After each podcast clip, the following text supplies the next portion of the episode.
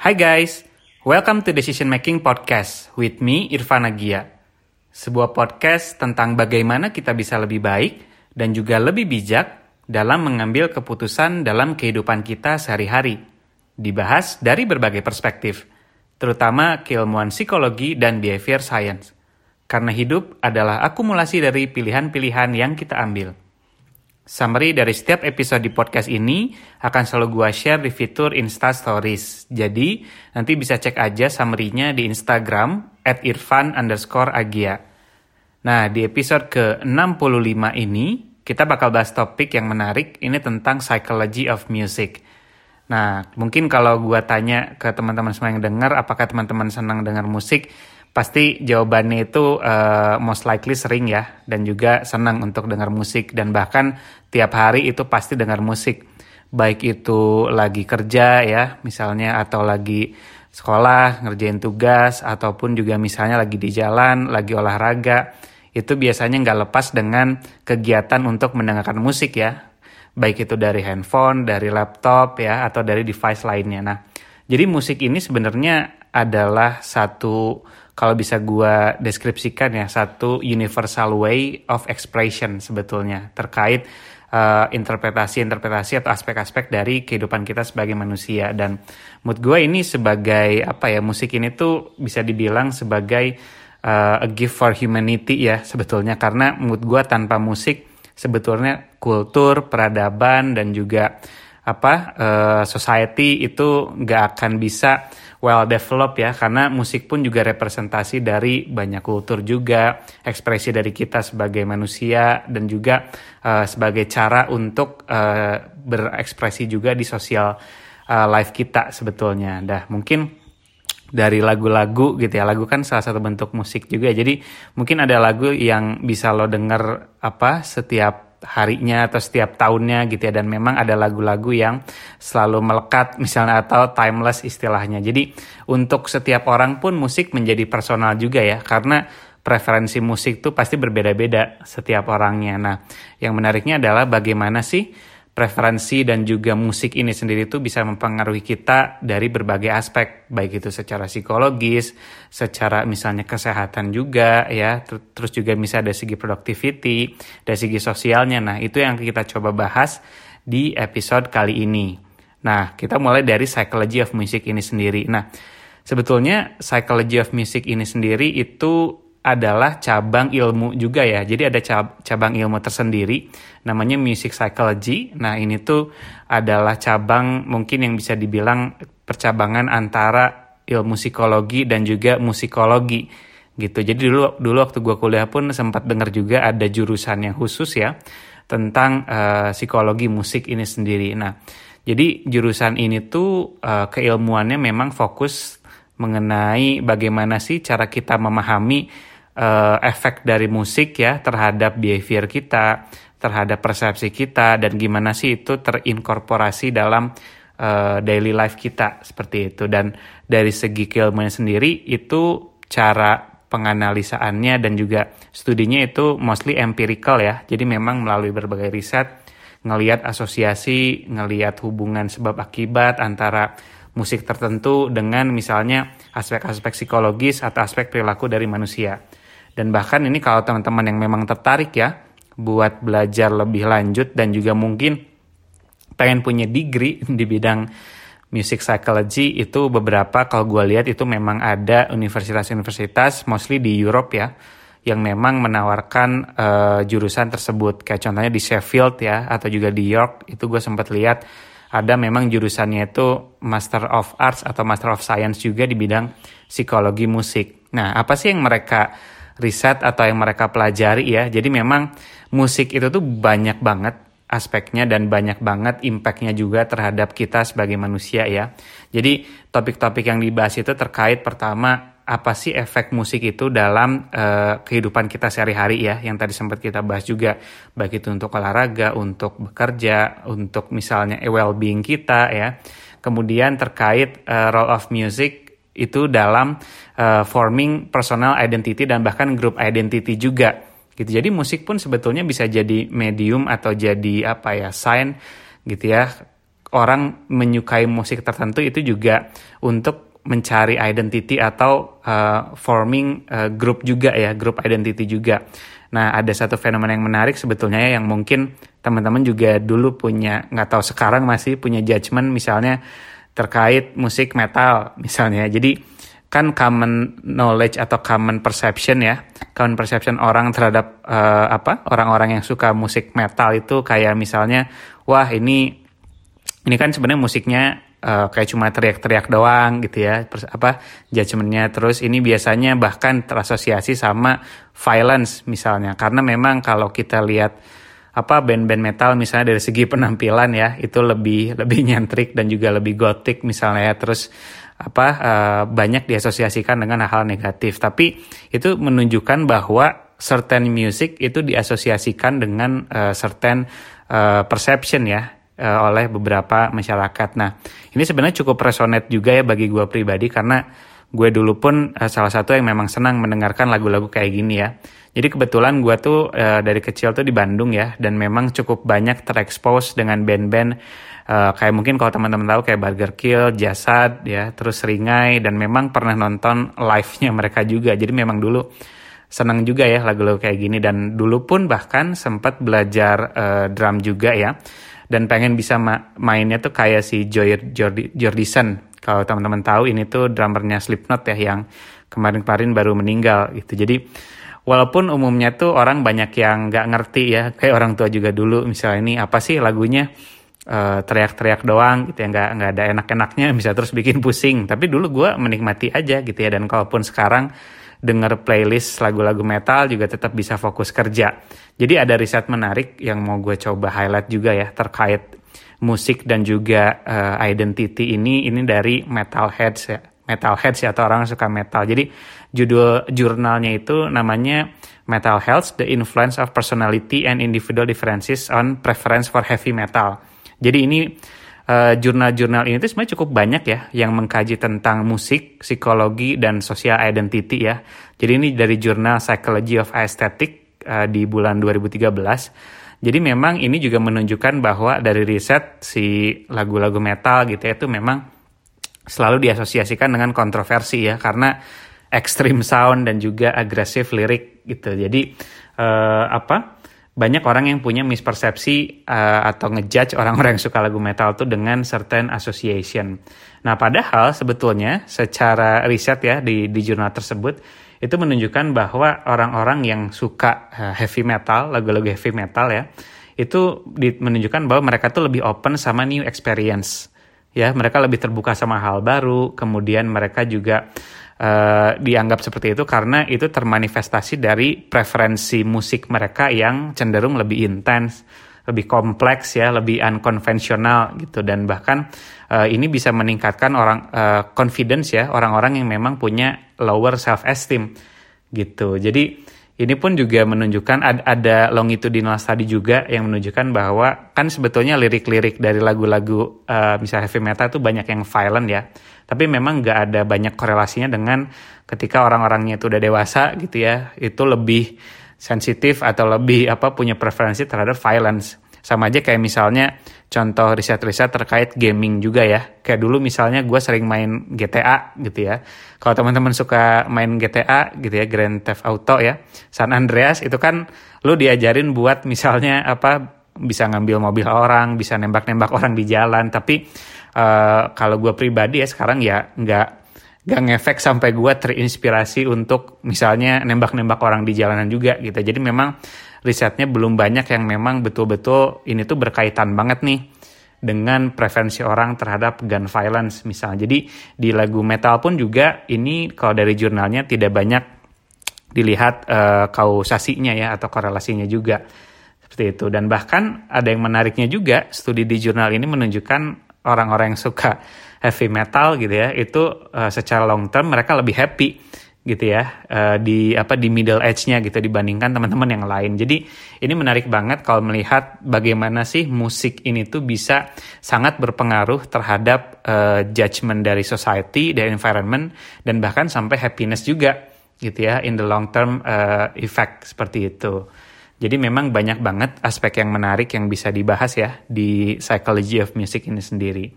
Nah, sekarang kita bahas juga spesifik tentang efek dari musik ke uh, psychological kita gitu ya sebagai manusia. Jadi memang salah satu one uh, one of the most important issues di psychology of music ini adalah bagaimana sih musik ini tuh bisa mempengaruhi especially emotional experience kita gitu. Jadi mungkin teman-teman juga yang sering dengar lagu itu biasa dengar lagu at certain moments ya. Misalnya lagi sedih itu ditambah makin makin sedih lagi misalnya atau makin apa ya istilah makin langsa lah ya ketika dengar lagu-lagu yang memang uh, apa sesuai dengan temanya kita jadi lebih happy lebih bersemangat ketika dengar-dengar lagu yang upbeat misalnya. Itu kan juga sebetulnya efek musik dalam mendiktate our emotion juga gitu. Jadi memang uh, musik ini tuh sebetulnya kalau kita bisa uh, apa jadikan sebagai tools ya atau sebagai cara itu bisa menjadi emosional regulator juga sebetulnya ya. Kalau misalnya kita lagi mau apa uh, fokus dengerin lagu yang kayak gini dengerin playlist yang kayak gini lagi pengen semangat lagi pengen misalnya emotional release gitu ya kita denger certain songs misalnya. Jadi memang ada banyak hal yang musik ini tuh ber, uh, berimpact baik itu positif dan negatif terhadap diri kita ya secara psikologis. Yang pertama dari segi pleasure. Jadi kalau kita dengar musik itu biasanya ada enjoymentnya ya dan itu tuh sebetulnya kalau dari sisi neuro neuroscience ya di apa di otak kita tuh si musik ini tuh involve the same pleasure in the center of our brain ya sama kayak food, sex sama drugs juga sebetulnya dan intinya itu memang men-trigger dopamine system di uh, otak kita. Kemudian yang kedua dari segi memoris juga atau ingatan. Nah, memoris ini tuh adalah salah satu cara juga ya atau salah satu medium juga yang bikin musik tertentu tuh bisa uh, evoke uh, deeper emotion. Kayak contoh misalnya lo dulu sempat misalnya heartbreak atau misalnya punya apa negative experience ya losing someone gitu baik itu dari keluarga ataupun partner ya pacar dulu gitu ya atau saat-saat events lainnya dan kita dulu mengasosiasikan event tersebut dengan lagu-lagu tertentu ketika misalnya lima tahun atau 10 tahun ke depan gitu ya lo denger lagi lagu tersebut gitu ya itu bisa evoke memories juga gitu ya eh, dan mengaktifasi certain emotion juga. Misal dulu lo apa uh, diajak sama orang tua misalnya nonton uh, apa musikal tertentu atau misalnya konser gitu ya konser band dari yang misal orang tua lo suka terus denger lagu klasik ya lagu dari band tersebut itu akan evoking juga happy memories juga saat lo waktu kecil dulu. Jadi itu sangat apa ya sangat align dengan aspek memori kita di bagian otak kemudian yang ketiga itu juga action action tendency namanya jadi musik itu juga bisa prompting kita untuk taking action. Contoh misalnya uh, ketika mendengar lagu yang semangat gitu ya, itu evoking our action juga untuk misalnya dancing atau foot tapping gitu ya istilahnya. Terus misalnya kalau kita lagi di apa? Kalau teman-teman ingat misalnya kalau ke toko-toko buku misalnya lagu-lagunya lebih slow itu sebetulnya evoking kita untuk lebih uh, slow down gitu ya heart rate kita tuh semakin menurun gitu ya ritmenya itu makin makin santai. Itu juga sebetulnya inhibit atau apa uh, bikin kita tuh nggak jadi banyak gerak misalnya ya seperti itu. Kemudian yang keempat itu namanya emotional mimicry gitu. Emotional mimicry ini bagaimana kita bisa ketika mendengar apa uh, musik tertentu gitu ya itu bisa uh, kita tuh mirroring their reaction terhadap uh, musical experience-nya gitu ya. Jadi ketika dengar lagu yang sedih kok tiba-tiba jadi sedih juga gitu walaupun present state-nya tuh kita lagi nggak sedih gitu ya misalnya. Kalau lagi misal lagi biasa aja gitu ya, lagi minum kopi terus lagi ngerjain tugas terus dengar lagu yang happy, itu juga kita memimikri emotional experience dalam lagu tersebut gitu ya itu juga bisa uh, affecting our emotional juga gitu. Nah ini juga ada beberapa uh, cool research findings ya terkait musik yang kalau gue share mungkin teman-teman juga bisa jadi good additional information juga. Jadi yang pertama itu yang gue temukan riset menarik adalah angry music gitu ya musik-musik yang bikin lo uh, apa uh, terarouse untuk ang angry gitu ya, marah atau misalnya jadi kesal gitu ya, itu justru improve your performance sebetulnya. Jadi kadang persepsi kita itu anger itu kalau kemarah atau marah itu tuh adalah something yang bad gitu ya. Padahal sebetulnya setiap emosi itu punya uh, positive views juga sebetulnya. Jadi ketika seseorang itu marah atau anger gitu ya, uh, ketika teregulasi dengan baik itu bisa membuat kita lebih fokus terhadap rewards ya. Terus increase our persistence. Terus ngerasa kita lebih feel in control dan juga lebih optimistic gitu. Jadi ada ada riset juga di jurnal yang seperti yang tadi gue sebut juga itu ketika ada seseorang yang dites ya sebagai riset subject itu dengerin angry music ketika main video game itu mereka punya higher scores. Mereka jadi lebih fokus, jadi ngerasa lebih in control, lebih ter-encourage untuk misalnya take action ya. Itu juga menarik gitu. Jadi mungkin teman-teman yang lagi workout gitu ya, terus misalnya lagi apa uh, heart heartbreak misalnya terus dengar dengar lagu yang bikin lo anger marah itu sebetulnya prompting atau channeling your energy itu untuk uh, jadi lebih produktif gitu ya. Seperti itu. Kemudian yang kedua ini ada riset menarik juga. Musik itu bisa reducing pain juga nih teman-teman. Dan ini sebetulnya kalau teman-teman sadari atau enggak mungkin teman-teman juga pernah merasakan ini ya. Kalau misalnya teman-teman itu lagi misalnya latihan olahraga gitu ya. Atau misalnya lagi workout atau lagi lari misalnya ya. Itu sebetulnya musik ini tuh bisa shifting our focus dari yang fokus sama apa lelah atau capeknya ya ke distract dengan lirik-lirik dan juga apa nada nada-nada dari si musik tersebut gitu. Jadi memang dari apa ini ada riset menarik dari yang judulnya Investigation of the Effect of Music on Pain Perception ini jadi dari jurnal Psychology of Aesthetic Creativity and Arts itu nunjukin bahwa musik-musik tertentu yang memang kita prefer ya yang suka itu bisa significantly increase uh, tolerance terhadap uh, pain gitu ya. Dan kita jadi ngerasa punya perceived control over the painful stimulus dan bahkan bisa decrease anxiety teman-teman. Jadi bayangkan kalau kita memang bisa betul-betul meregulasi emosi ya. Kita tahu gimana utilize musik-musik ini dengan kegiatan kegiatan-kegiatan tertentu kita. Bayangin kita bisa tanda kutip hacking our life ya dengan musik ini. Seperti itu. Kemudian juga nah musik ini juga bisa jadi social tools teman-teman mungkin teman-teman pernah dengar juga you are what you listen. Dan bahkan teman-teman mungkin compare juga ya ketika teman-teman nanya misalnya atau di social event atau ketemu apa uh, teman baru lo lo sering dengar musik apa sih? Gitu ya. Kalau misalnya lo naik mobil gitu ya terus di mobil teman terus lo dengerin playlistnya lo mungkin ada semacam judgement juga atau semacam persepsi juga wah uh, anak ini suka lagu kayak gini nih gitu ya Nah itu juga sebetulnya musik preferensi ini bisa jadi social tools juga. Teman-teman kenapa? Karena secara sosial ya, ketika kita itu berada dalam new environment dan kita tuh pengen get to know each other, musik tuh biasanya jadi salah satu first topic yang uh, dibahas juga gitu ya dan memang ini menjadi sinyal bahwa musik itu tuh indeed revealing something about who we are ya. Jadi kayak uh, apa? preferensi musik itu bisa jadi uh, sinyal-sinyal untuk kita menilai orang lah istilahnya ya. Dan ini tuh bisa helping kita untuk strengthen social bonds, apalagi ketika kita nemu uh, apa teman atau orang lain yang memang punya preferensi musik yang sama ya, itu juga bisa jadi apa uh, strengthening friendship juga dengan mereka gitu ya, ngobrol bisa jadi lebih banyak dengan orang tersebut ya. Jadi memang by knowing musical preference kita bisa making new friends sama build connection with similar people teman-teman. Gitu. Dan yang terakhir ini juga yang apa mungkin teman-teman juga udah tahu ya. Uh, riset itu menunjukkan bahwa musik dengan apa lirik ya itu tuh bisa shifting our focus sebetulnya. Gitu. Jadi misalnya uh, apa riset itu menunjukkan kalau uh, beberapa musik tertentu itu itu bisa boosting productivity atau juga bisa mendistraksi kita gitu ya. Kayak contoh misalnya lagi pengen kerja terus denger our favorite song terus ada liriknya. Kadang kan kita jadi pengen ngikutin liriknya karena kita tahu.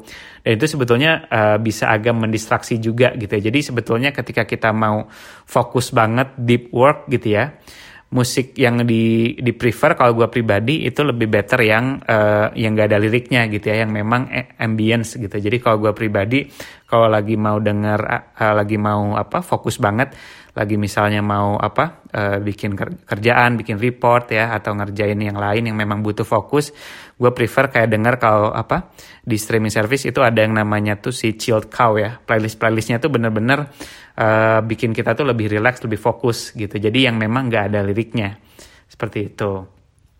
Nah, jadi memang setelah kita tahu banyak hal nih dari episode ini tentang musik dan bagaimana impactnya terhadap uh, kehidupan kita, apa sih yang bisa kita lakukan gitu ya dengan si musik-musik ini gitu ya, pragmatic things apa sih yang bisa kita lakukan? Kalau gue pribadi itu akan menyarankan since kita knowing the the research, knowing how big uh, the impact uh, musik ini terhadap diri kita, itu memang choosing the right music for the right task sebetulnya ya.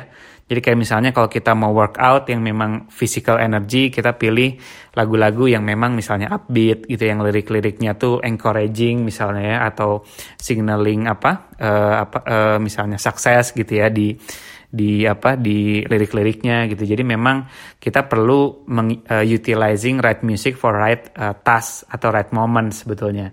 Terus misalnya kalau kita pengen lagi ngerjain apa kerjaan-kerjaan yang butuh fokus banyak itu memang uh, yang misalnya gak banyak liriknya atau yang lebih calm misalnya ya. Terus misalnya kalau kita mau emotional release misal kita lagi sad lagi anger gitu ya itu sebetulnya mendengarkan musik yang memang relevan ya itu bisa benar-benar jadi uh, katarsis juga ya jadi emotional release juga yang bikin kita tuh lebih uh, apa lebih tenang gitu ya atau lebih rilis secara emosional Terus misalnya inspiring juga kalau kita lagi pengen terinspired, juga gue saranin dengar-dengar lagu yang baru sebetulnya ya, yang memang uh, teman-teman belum dengar tapi mungkin uh, genrenya itu memang yang teman-teman suka. Itu juga bisa boosting our uh, apa uh, creativity juga sebetulnya karena kita open dengan new things, new experience, new genre juga. Misalnya kalau kita mau coba explore lagu-lagu lain seperti itu. Jadi memang uh, summary-nya kalau di episode kali ini itu adalah uh, even ketika orang-orang itu memang punya different music taste ya. Musik itu tuh adalah universal ways yang bisa bikin kita connected juga ya dan memang itu punya big impact terhadap uh, diri kita gitu musik juga bisa increase social connection, strengthen cooperation juga dan bahkan kalau bisa diutilize dengan baik itu bisa meregulasi emosi kita ya gitu jadi uh, we need to know how music itu bisa kita regulate dengan baik untuk improving productivity, improving our well-being, improving juga our apa our social connection juga dengan orang lain gitu ya. Jadi intinya adalah uh, I think music is a gift for humanity and one thing we can do adalah utilize it uh, for the right uh, the right song in the right moments. Seperti itu ya, teman-teman. Oke, okay, untuk episode selanjutnya gue ba gua bakal bahas topik tentang becoming a better planner. Nah, ini mungkin buat gue pribadi juga ya adalah salah satu skill yang penting banget terutama dalam uncertain times ya. Di mana mungkin teman-teman selama covid ini ya, selama pandemi, teman-teman punya banyak rencana yang harus di reschedule, harus berubah, plan B, plan C, bahkan plan Z gitu ya dan memang kita juga harus anticipating ya nanti next year seperti apa plannya. Nah, nanti kita akan bahas uh, banyak hal ya tentang gimana sih cara kita bisa jadi better planner ya, terutama in times of this uncertainty. Jadi sampai jumpa di episode ke-66. Kalau ada request atau masukan tentang feedback, boleh juga email atau message gue di Instagram at irfan underscore agia. Kalau teman-teman merasa topik-topik di podcast ini berguna atau bisa memberikan wawasan yang baru, please share it to others. Bisa bagikan link konten podcast ini di Instagram because sharing is caring. Thank you and see you in the next two weeks. Bye bye.